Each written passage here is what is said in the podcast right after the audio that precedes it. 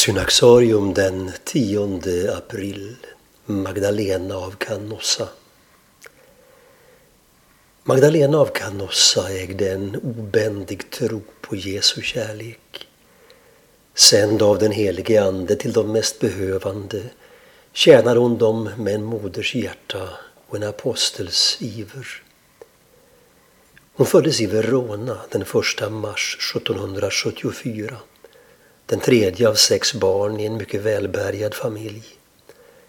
Magdalena upplevde tidigt hur Guds kärlek drog henne mot en klosterkallelse.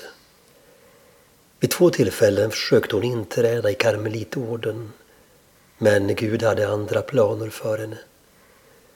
Hon skulle få en djupgående erfarenhet av vad det innebär att låta sig älskas av den korsfäste Kristus och endast tillhöra honom för att så tjäna de allra nedersta i samhället. Smärtsamma omständigheter som hennes fars död och hennes mors andra äktenskap gjorde att hon tvingades ta ansvar för släktegendomen och slottet Canossa. Allt medan hon i djupet av sitt hjärta närde den kallelse som Gud gett henne.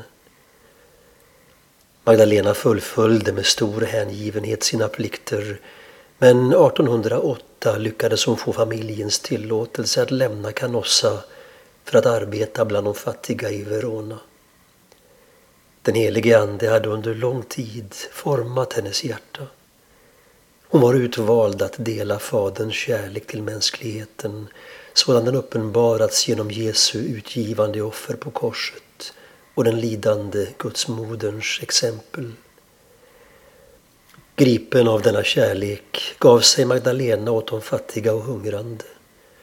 Hon sökte upp dem i Veronas fattigkvarter där den franska revolutionens härjningar hade efterlämnat stor förödelse. Magdalena öppnade sitt hjärta för en helige ande som ledde henne till de fattiga i andra städer. Venedig, Milano, Bergamo, Trent. Hon införskaffade hus för verksamheten i den ena staden efter den andra och antalet medarbetare växte snabbt. År 1828 fick hon påvligt godkännande för den regel hon skrivit för barmhärtighetssystrarna, som de kallade sig. Och även en manlig gren bildades i Venedig 1831.